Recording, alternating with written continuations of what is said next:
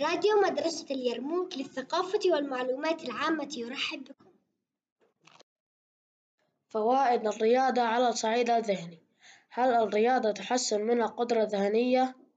هيا بنا لنتعرف على ذلك، الكثير من العلماء قالوا أن الرياضة تنشط العقل وتزيد من الذكاء بكافة أنواعه، مثل الذكاء الاجتماعي والذكاء النصي والذكاء الحركي وغيرها، بالإضافة إلى ذلك تحسن من نشاط الذاكرة وقوتها لأنها تزيد من نشاطات الدماغ بشكل إيجابي، ومن المهم أن أذكر لكم أن الرياضة تحسن من قوة الملاحظة والسرعة البديهة وتمنح الإنسان قدرة على التركيز وتقليل نسبة التشتت الذهني بشكل كبير، فلذلك من المحبذ ممارسة الرياضة بشكل يومي وذلك لضمان السلامة البدنية والذهنية، وكما يقول المثل الشعبي العقل السليم في الجسم السليم، أتمنى لكم رياضة موفقة وآمنة وممتعة، كان معكم الطالب محمد جاسر القرعان من الصف الخامس ب.